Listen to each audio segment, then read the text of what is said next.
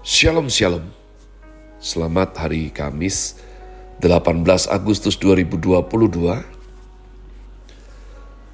Kembali jumpa bersama saya Pendeta Kaleb Hofer Bintor dalam anugerahnya Penuh sukacita sampaikan pesan Tuhan melalui Grace Word yakni suatu program renungan harian yang disusun dengan disiplin kami doakan dengan setia supaya makin dalam kita beroleh pengertian mengenai iman, pengharapan, dan kasih yang terkandung dalam Kristus Yesus. Sungguh besar kerinduan saya bagi saudara sekalian, agar supaya kasih dan kuasa firman Tuhan setiap hari tiada pernah berhenti menjamah hati, menggarap pola pikir, dan paling terutama hidup kita boleh sungguh berubah menuju Christ likeness. Berada dalam season autumn dengan tema bulan ini Declaring King's Mandate Grace Word hari ini saya berikan judul Glory of God bagian ke-10 atau terakhir umat Tuhan ya. Kemuliaan Tuhan bagian terakhir. Jika hari ini adalah kali pertama saudara atau saudari mendengarkan program Grow ini, izinkan saya ucapkan shalom Selamat bergabung dan mari bersama tumbuh mengenal Tuhan dengan benar. Mari kita buka yakni ayat yang menjadi fondasi kita berbagi pesan Tuhan 1 Korintus 1 ayatnya yang ke-25 sampai dengan 29. Sebab yang bodoh dari Allah lebih besar hikmatnya daripada manusia, dan yang lemah dari Allah lebih kuat daripada manusia. Ingat saja saudara-saudara, bagaimana keadaan kamu ketika kamu dipanggil. Menurut ukuran manusia tidak banyak orang yang bijak, tidak banyak orang yang berpengaruh, tidak banyak orang yang terpandang, tetapi apa yang bodoh bagi dunia dipilih Allah untuk memalukan orang-orang yang berhikmat. Dan apa yang lemah bagi dunia dipilih Allah untuk memalukan apa yang kuat. Dan apa yang tidak terpandang dan yang hina bagi dunia dipilih Allah. Bahkan apa yang tidak berarti dipilih Allah untuk meniadakan apa yang berarti supaya jangan ada seorang manusia pun yang memegahkan diri di hadapan Allah. 30 sekalian, tetapi oleh dia kamu berada dalam Kristus Yesus yang oleh Allah telah menjadi hikmat bagi kita. Ia membenarkan dan menguduskan dan menebus kita. Dua hari yang lalu kita belajar mengenai kemuliaan Tuhan dalam bentuknya berparadoks dengan penderitaan Yesus dipermuliakan, nama Allah dipermuliakan melalui inkarnasi, melalui firman-Nya, kemuliaan Allah, dan melalui penebusan Kristus. Tapi umat Tuhan justru di atas kayu salib, di mana kemuliaan Allah dipancarkan, sebab di atas kayu saliblah karya penebusan yang begitu mengerikan, sekaligus mentakjubkan sehingga orang berdosa seperti saya dan Anda sekalian dapat diampuni, ditebus, dibayar tuntas dosanya, bahkan diangkat jadi anak. Makanya kalau ada orang Kristen tidak memahami, hatinya tidak lembut mendengar hal ini, belum paham, pasti belum dong. Betapa tinggi, besar, luas, lebarnya kasih karunia Tuhan yang sudah curahkan untuk kita semuanya.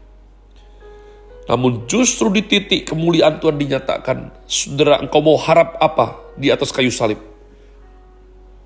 Bagi kita pengampunan, bagi kita penebusan, bagi kita kasih karunia diangkat jadi anak. Tidak hanya cancel, go to hell.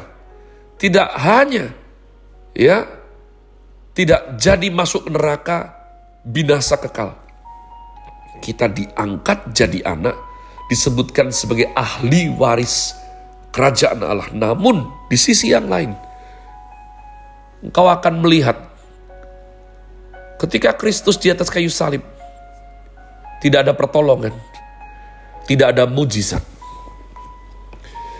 tidak ada apa yang orang Kristen dangkal jika tidak belajar, sangat dirindu-rindukan. Ya, pertolongan, keberhasilan, kesuksesan, kelepasan dari penderitaan, Kristus sama sekali tidak berdaya. Kemuliaan yang tersembunyi, the hiddenness of God. Umat Tuhan, kemuliaan penebusan adalah kemuliaan yang ditudung anugerah yang tersembunyi. Dari situlah kita dididik sebagai anak sebagai murid Kristus tidak hanya cari enaknya sendiri, tidak hanya mau menangnya saja.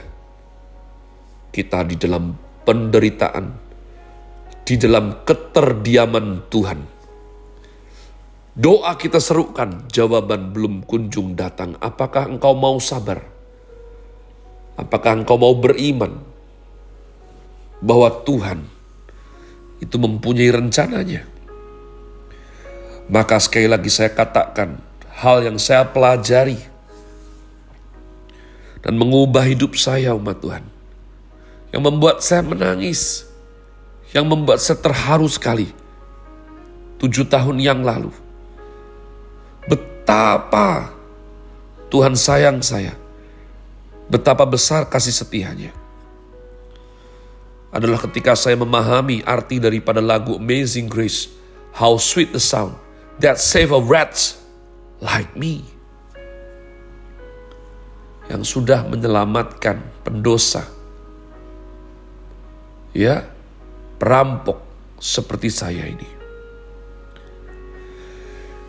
Maka di seluruh kitab suci, saya jadi curiga. Orang yang imannya paling besar bisa jadi bukan Rasul Paulus, bisa jadi bukan Rasul Petrus, melainkan perampok yang diselamatkan di atas kayu salib. Perampok yang disalibkan bersanding dengan Tuhan Yesus. Saya mikir terus sama Tuhan. Sebab saya mengerti betul. Sulit sekali mendidik orang itu percaya Tuhan apalagi sayang Tuhan kompleks sekali.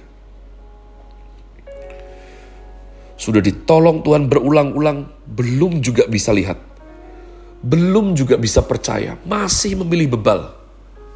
Tidak tidak dengan ringan bersandar sepenuhnya kepada Kristus yang sudah teruji, yang sudah terbukti. Apa yang membuat saya tercengang, takjub?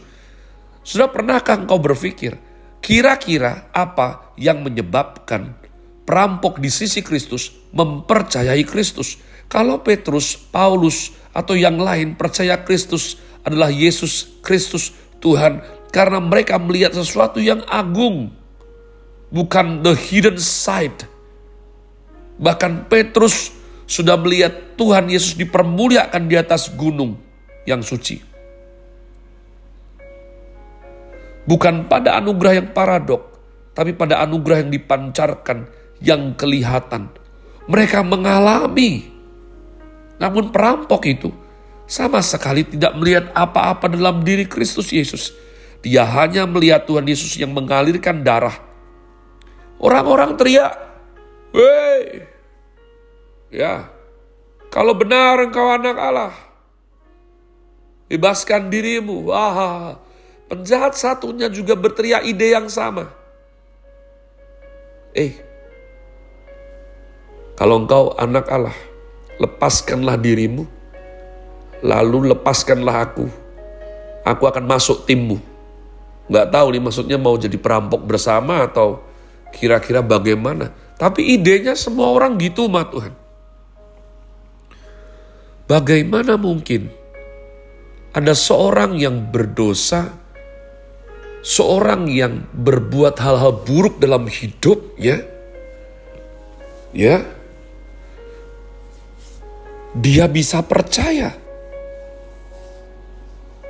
Dia melihat Tuhan Yesus begitu lemah, disiksa, menderita, tidak membalas, tidak berbuat apa-apa, dicemooh, dipaku, dihina, dibuang. Tapi dia mempunyai iman yang melampaui fenomena, yang menembus paradoks, langsung menghunjam jiwanya dalam esensial yang melebihi lahiriah. Kalau kita sempat mewawancarai daripada perampok itu, mengapa Anda percaya kepada Yesus Kristus? Saya tidak tahu. Mungkin dia akan menjawab, saya tidak melihat kedahsyatan kemuliaan yang dinyatakan. Justru saya melihat ke dalam sumsum -sum yang berada di balik penderitaan yang besar itu Kenapa dia diam? Kenapa dia tidak membalas? Memaki pun tidak.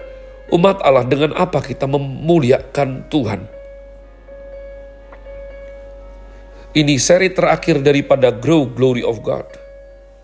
Saya akan bahas dengan ringkas sekali. Dengan apa kita mempermuliakan Allah.